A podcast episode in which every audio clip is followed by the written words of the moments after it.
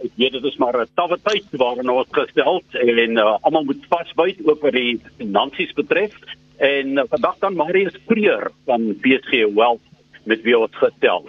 Nou Marius, ek meen dis 'n tyd van pessimisme. Maar ons moet vandag 'n bietjie kyk na die tweede pessimisme teenoor optimisme en uh, dit uh, op die skaal plaas en dan kyk wat is nou die gevolgtrekking wat 'n mens moet maak. So die afgelope 3 maande het ons oor donder eintlik met negatiewe nuus en ag ons het ook baie fopnuus gehoor in die proses. So ehm um, daar's 'n paar voorbeelde hè wat jy kom ons kan uitlig. Ja Johan, ehm um, ek dink baie keer terug aan wat ek nou al gehoor het jy weet Johan, ek het gehoor die uh virus is in 'n laboratorium in China vervaardig. Dan het ek gehoor uh as gevolg van die 5G tegnologie en daar's 'n groot saak uit te maak daarvoor dat dit begin het ook in China in in die stad waar die COVID begin het en mense is gewaarsku dat hierdie tegnologie waar die blootgestel word gaan moontlik vir die COVID gee. Uh, dan het Bill Gates se storie dat hy 'n vaksin gaan vir Afrika laat vervaardig en daardeur gaan hulle vir jou 'n microchip gee. En dan natuurlik het baie mense maar gesê dis maar die tekens van die eindtye. En as ons nou 'n bietjie na die positiewe goed dink, dan hoor ons nie eintlik baie ons onthou nie eintlik veel van die positiewe goed wat gesê is nie. En dis eintlik maar die verskil tussen die twee. Die negatiewe goed is reageer mense baie erger op en uh die positiewe goed uh onthou mense nie eintlik so dis nie eintlik so duidelik nie. Ja, dit is inderdaad so dat mense Marius in hierdie tye uh, weet die negatiewe onthou selfs al word dit reggestel, is dit asof dit iewers vassteek eerder as die waarheid. En met Paul as dit ware terug, ehm um, is dit nie tog waar daai fopnuus nie. Jy weet dit amper asof daar so 'n staatjie gestaai word. Maar daar's 'n paar mense wat ehm um, daarom ook die ander kant van die taak gestel het en uh, jy wil veral praat oor 'n bekende ekonom en historikus van Illinois en Chicago. Ja, daar was 'n professor uh, Deidre en McCloskey. Hy's 'n ekonom en historikus en hy is verbonde aan die Universiteit van Illinois in Chicago. En hy het 'n onderhoud laasweek met die New York Times gehad En hy het gesê uh, ek quoteer hom nou maar in Engels For reasons I have never understood people like to hear that the world is going to hell. So dit lyk vir my mense hou daarvan om die negatiewe stories te hoor en die negatiewe voorspellings en veral as hulle as hulle hoor dat hierdie is nou omtrent die einde en dis die ergste wat nou kan met 'n mens gebeur En dan baie mense maak natuurlik as hulle die storie vertel, dan het hulle uh, baie inligting wat hulle vir geen dit lyk of hulle baie navorsing gedoen het.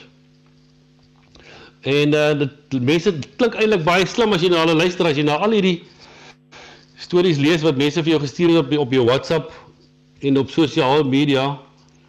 En jy het hierdie storie gelees oor die 5G of oor die Bill Gates storie dan lyk dit of die persoon presies weet waarvan hy praat het baie navorsing gedoen en hy klink eintlik baie slim. Uh, Daarteenoor as jy na die optimus luister, dan is dit maar 'n klink dit soos 'n gemiddelde ou wat sê maar uh, ons glo in die goeie uitkoms en daar's eintlik nie so baie detail nie en dit klink eintlik vir jou eintlik nie so indrukwekkend as wat die pessimis vir jou die storie vertel nie. Ja, Marius, ek wil ek wil amper sê daar is niks sensasioneel daaraan nie en dit dit maak nie 'n goeie storie altyd nie, né? Ja, nee, Johan, ek dink uh, die hele media dra mos nou maar die negatiewe stories. En uh, ons het ook nou maar die afgelope tyd gesien hoe mense reageer op uh negatiewe nuus. En uh dit mense wil mos dan altyd iets doen. As hy is daar as daar iets gebeur en iemand ons sal nou 'n bietjie kyk na die hoe dit beleggings raak en hoe mense optree in beleggings dan wil hulle eintlik maar iets doen. Hulle wil rea iets reageer. Hulle wil nie net uh passief na hierdie situasie kyk nie. En dan baie keer doen jy die verkeerde ding omdat jy eintlik in 'n tyd van 'n krisis dan 'n besluit maak wat baie keer sê ons moet altyd skop 'n bietjie vir die kantlyn en koop tyd voor jy 'n be belangrike besluit maak.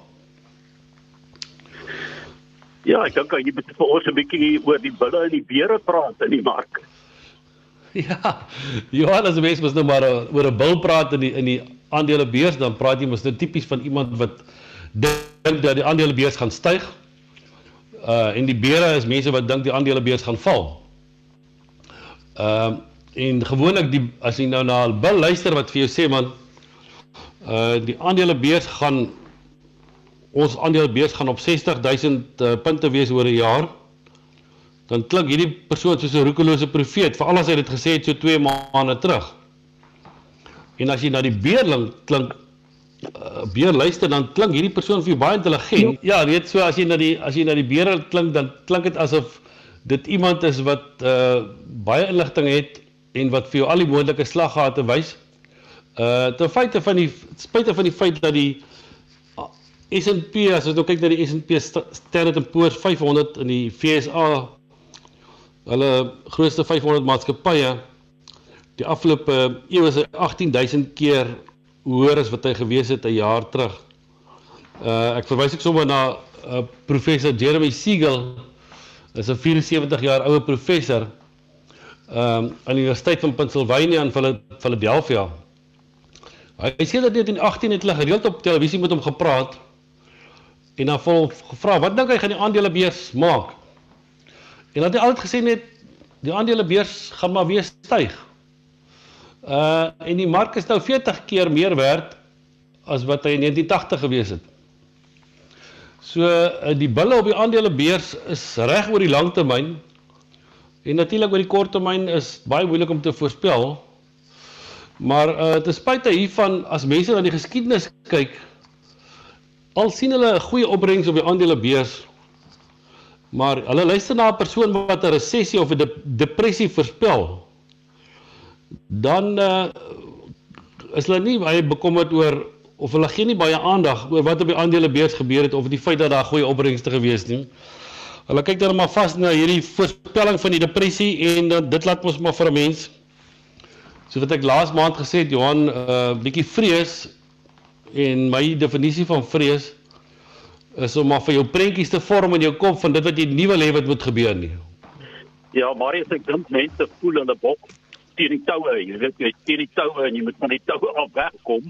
So baie keer word jy deur hierdie vrese verlam ook en dan kan jy nie altyd nugter besluite neem nie. En elkeen kom self, ek bedoel dit is jou eie reg om met jou eie bates te maak wat jy wil, maar wanneer jy ook 'n uh, kundige oor het, dan help dit baie. So wil jy nie vir ons 'n bietjie inlig wat is die effek van die stellings wat jy nou vir ons gegee het op die belegging?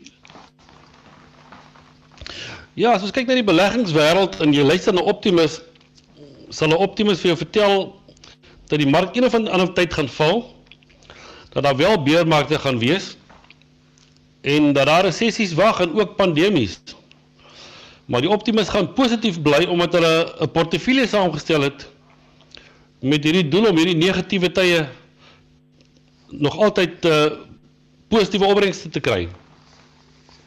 Uh, die pessimis daarenteen kyk na die huidige krisis en hy besluit dis die einde van die storie. Uh hy sien net nie kans om verder met hierdie belegging aan te gaan nie. Uh as jy nou bietjie teruggaan na die 23ste Maart omtrent gaan hierdie pessimis sê maar hierdie aandelebelegging het nou 35% geval hoe ver wil jy moet hy nou nog val? Ehm uh, ek moet nou kyk of ek my of ek my kapitaal kan beskerm. 'n Pessimis sal ook vir jou wys dat dit nie alles in die regte rigting beweeg nie. Al begin die mark opgaan, sal hy vir jou sê ja, onthou maar daar's nog 'n klomp goed wat kan gebeur en dis nog 'n klomp goed wat verkeerd is in die wêreld. En dit is dit is gewoonlik waar. En dan gewoonlik het ek net al gesê die pessimis vereis aksie. So wat doen hy in daai stadium? Hy sê maar ek sien nie kans om nog kapitaal te verloor nie. Uh ek verkoop nou al my aandele uit. Ek wil nie nou verder enige geld verloor nie. Ek is bereid om nou uh hierdie verlies te vat. Maar die bietjie wat ek wil hê, wil het oor het wil ek nou beskerm. En dan gewoonlik realiseer so 'n persoon die verlies. Uh Johan, ek vertel hierdie stories vanoggend of ek ek beklemtoon dit bietjie omdat ek as ek nou hierna luister en myself luister, dan kan ek nou vir jou 'n klomp mense maar een praktyk opnoem, kliënte wat ek weet my môre gaan bel as die mark val en vir my sê wat maak julle nou? Wat gaan julle nou maak om ons kapitaal te beskerm? En dan sê ek gewoonlik vir hulle, weet ons doen nou niks want die mark gaan vir ons heel moontlik hierdie hierdie kapitaal weer teruggee. En uh, dan vra hulle vir jou maar wanneer? Uh, dink jy kan gebeur in hierdie omgewing van ons politiek of in ons wêreld of in hierdie pandemie? So dan is dit nogal altyd moeilik om vir mense te sê maar weet kom ons kyk 'n bietjie na die geskiedenis, wat het die aandelebeurs gedoen? Uh het hy altyd herstel? En dit is nou in alle krisisse. Ja. En as jy bietjie na die optimis klink dan klink dit of hy maar bietjie verkoopspraatjies maak. en uh terwyl jy die pessimis klink soos iemand wat jou graag wil help en waarsku. Maar Marius, uh, ek, ek dink jy het laas maand ook daaroor gepraat. Mens moet ook die siege van die mens in ag neem in terme van um, ek en jy praat nou al vir amper 'n paar jaar um, in finansies oor verskillende aangeleenthede, maar mens moet so 'n bietjie terug gaan en gaan kyk wat was eintlik die groot impakspelers wat ingekom het in hierdie bull en bear mark situasies wat ons gehad het. En ek dink die Amerikaanse eiendomsmark destyds met die manier waarop hulle eintlik roekeloos hulle rentekoerse verlaag het lenings vir mense geld gegee het ehm um, het in Suid-Afrika 'n groot rimpeling gehad. Toe kom die groot uh, droogte uh hier in die Kaapverhaal die zero effek toerisme wat 'n uh, botstel gaan staan het mense wat gekanselleer het daar was ander vleese wat los gemaak het. En toe kry ons nou hierdie uh, COVID-19 situasie. Nou, jy weet, daar's drie groot gebeurtenisse uh, wat sodra die dit lyk asof die uh die brandertjie gebreek het en en die golf gebreek het, die brandertjie uitspoel, dan kom maar van agter af weer een. So ehm um, mense is vol vrese, maar as 'n mens terug kyk na die wêreldoorloë na die oorloë deur die wêreld wat um, ook plaasgevind het. Ek praat nie net van die Eerste en Tweede Wêreldoorlog nie. Is dit eintlik maar natuurlike prosesse wat gebeur? Ons is nou net op die oomblik in 'n onnatuurlike situasie en dit het jy tog al altyd beklemtoon dat 'n mens moet kyk na die geheel. Jy kan nie net een situasie vat en dan daarvolgens optree nie en dit gaan oor diversiteit ook. Daarom sê ek moenie al jou eie in een mandjie plaas nie. Ons kyk hoe lyk eiendom, ons kyk hoe lyk olie op die oomblik. Jy weet die geweldige uh, lae pryse wat skielik niemand voorspel het dit daar is. So energie op sigself um, het ook nuwe uitdagings gebied. So al daardie goed waarteen 'n mens nou die mark lees en jou oordeel moet vel, is nog steeds deel van die geheel waaroor ons eintlik al jare praat. Ja, Johan, ek wil sommer hierdie volgende storie vertel van 'n uh, Lester Brown. Hy het in 2008 geskryf, hy's 'n omgewingsspesialis dat uh, dat teen 2030 sal China 98 miljoen vate olie per dag gebruik. Op daai stadium het die wêreld 85 miljoen vate per dag geproduseer. Sy scenario wat hy geskep het was heeltemal reg vir daai tyd. Maar wat hy vergeet het is dat die wêreld 'n manier om homself te verbeter met tegnologie, met nuwe uitvindings. Die oliemaatskappy het intussen tyd nuwe boorgat tegnologie ontwikkel. En die produksie was laas jaar 96 miljoen vate. Intussen het die skaliegas ontdek en natuurlik elektriese motors. So die persoon wat daai na die omgewing gekyk het en daai inligting gehad het op daai stadium en die voorspelling gemaak het, hy was reg in sy voorspellings. Maar hy het bietjie buite rekening gelaat dat die die wêreld is besig om vinnig te verander en te verbeter en tegnologie speel 'n groot rol. En Johan as ons nou bietjie na 3 maande terugkyk. Ehm uh, het almal gesê jy hierdie mark as hy herstel gaan dit nie soos hulle sê uh, dit gaan nie 'n V formasie wees nie. Met ander woorde, hy gaan nie vinnig herstel nie. Dit gaan baie lank vat. En ons gaan nog baie lank in hierdie uh, gemors rondkrap hier onder. En op die oomblik is die Nasdaq hoër as wat hy gewees het in Februarie. Hy's hy's op 'n 10 jaar algemene hoogtepunt. Uh die S&P 500 is op die oomblik op 54000 ek jok ek praat nou van ons beurs. Hy's 4.5% laer as sy hoogtepunt in Februarie maand. Ons eie beurs is op 54000 punte nadat hy geval het van 58 af tot onder 40000 punte. Met ander woorde, het dit wat mense gesien het op daai stadium en sommer net uit hulle eie uitself 'n waardasie gemaak het en besluit het hierdie storie gaan lank vat. En natuurlik, ons het dit redelik wyd gelees dat dat hier gaan groot moeilikheid vir baie lank wees. En ek dink dit is dit is nog altyd waar. Maar die aandelebeurs het heeltemal anders gereageer. Omdat die aandelebeurs begin sien het dat die wêreld begin oop gaan. Ek sien nou in Europa het hulle glad nie hulle kurwe het glad nie verhoog nadat hulle die hele uh, ekonomie oopgemaak het nie. En hierdie inligting wys dat die ekonomie begin weer herstel. Die werkloosheidssyfer was baie laer in die FSA as wat voorspel is. Weens was die mense heeltemal te negatief en te pessimisties oor hoe lank dit gaan vat om te herstel en hoe sleg dit gaan gaan. So ek dink Johannes as ek miskien hierna kyk dan lyk dit vir my asof ons nie altyd net so kom ons sin mos as Engelsman sê na die doom and gloom stories moet luister en ons lewe daarvolgens inrig nie. Ehm um, op die finansiële kant lyk dit eintlik verskriklik goed as ons dink waar was ons gewees middel van Maart. Wil jy nie ook iets sê ja. oor die verswakking van die rand nie? Ja, Johan, die rand het verswak en die beleggers wat nou in die buiteland belê was wat goeie diversifikasie gehad het, het die rand hier van 14.20 na op 'n stadium na 19 gegaan en hy's nou hierso by wat is hy 16 iets in die 70 74 omtrent. Uh as ek sê ons aandelebeurs is op 54000 net oor die 44000 punte. En hy het nou herstel vanaf onder 40000 punte. So as ons nou 'n bietjie kyk, hoe sou die negatiewe, hoe sou die uh pessimis in hierdie mark toestande gedoen het teenoor die optimus dan sou die pessimis heel moontlik hier by die 30% van sy kapitaalprys gegee het omdat hy gevoel het hier's geen lig nie en hy moet net so vinnig as moontlik van hierdie aandele af weghardloop. Uh die optimis sou gebly het in die mark geglo die mark gaan herstel en hy sou nou baie gelyk gebreek het of dalk 'n bietjie opgewees het vir die jaar as hy goeie buitelandse blootstelling gehad het.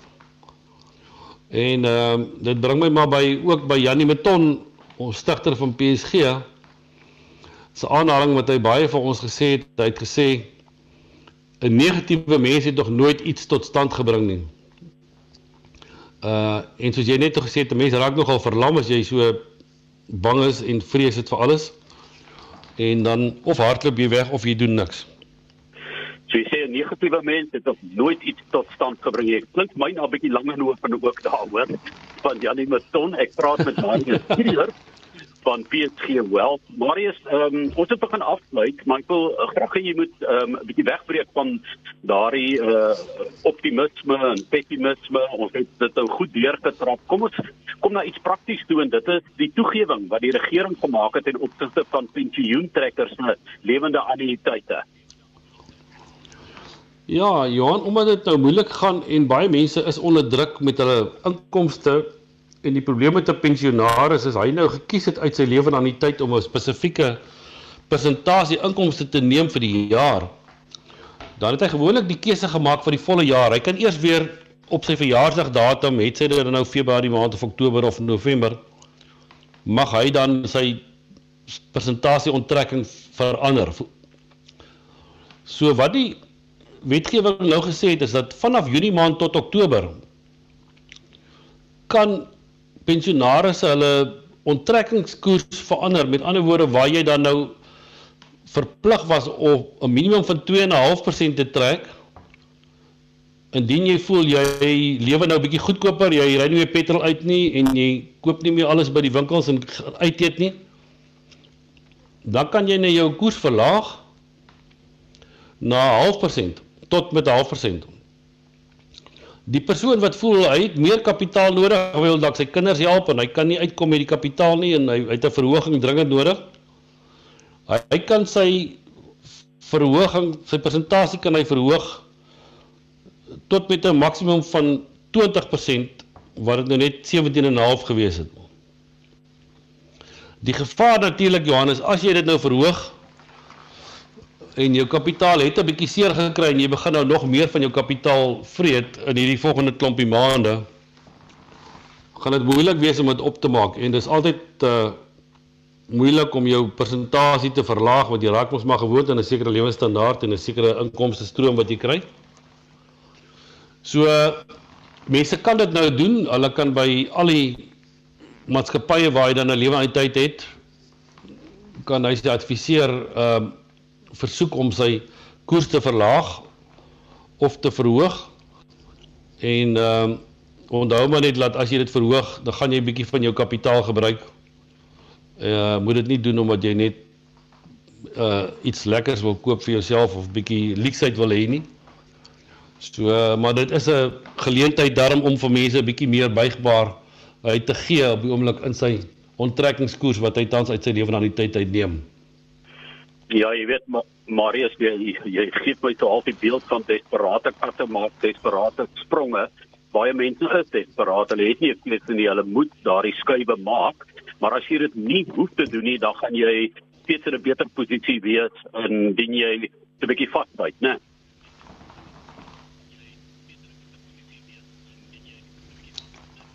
Verseker Johan, ek dink 'n ou moet ehm uh, jy moet maar nigter wees oor hierdie goeders. Besef dat enige addisionele kapitaal wat jy nou onttrek, gaan jy heel moontlik nie op maak nie, behalwe jy vorentoe in 'n situasie is waar jy jou koers weer kan verlaag uh en die mense nou in 'n moeilike situasie is vir hierdie volgende klompie maande. Uh, ek wil maar net sê Johan dat hulle ook maar miskien maar met hulle adviseurs moet gesels en vir die persoon te vra doen vir my 'n kontantvloei indien ek dan nou my inkomste persentasie sê net maar van 4% na 6 of 7% verhoog. Wat gaan dit aan my kapitaal oor die lang termyn doen voor 'n mens dan so 'n besluit maak? Dat jy ten minste jou huiswerk doen en seker is ehm uh, jy weet waarvoor jy in is. Jy het vroeër gesê jy verwag 'n hele paar oproepe van mense wat met jou kan gesels en uh, wat gaan sê wat gaan julle doen? Jy weet verkoop kom maar die aandele beurs uit. Um, ons gaan nog geld verloor. Beskerm die bietjie wat ons het. Ons gee pad of uh, wat ook al. Maar jy het nou 'n uh, goeie perspektief weer vir ons te gee Marius van hoe mense rustig en diep moet asemhaal moet kyk na die ding en dan daar jou oordeel vel en soos jy sê as jy 'n goeie adviseur het help dit baie As mense met jou wil gesels uh, by PG Wealth, want as jy hulle kontak besonderhede maar net kreer. Uh Johan, hulle kan vir my kontak by 0861 348 190. Dis my landlyn of hulle kan vir my e-pos stuur. My e-posadres is marius.kreer by psg.co.za gee dit net weer. Uh landlyn is 0861 348 190. My e-posadres is marius.kreer@psg.co.za. Baie dankie Marius, en ons het vandag ook dan van daardie 5G tegnologie gebruik gemaak. Ek voel nog hoe right aan die kant. Ek hoop jy's nou right aan daai kant. Dit was finansies op RSC. Dankie vir die lekker gesels sterkte vir die week.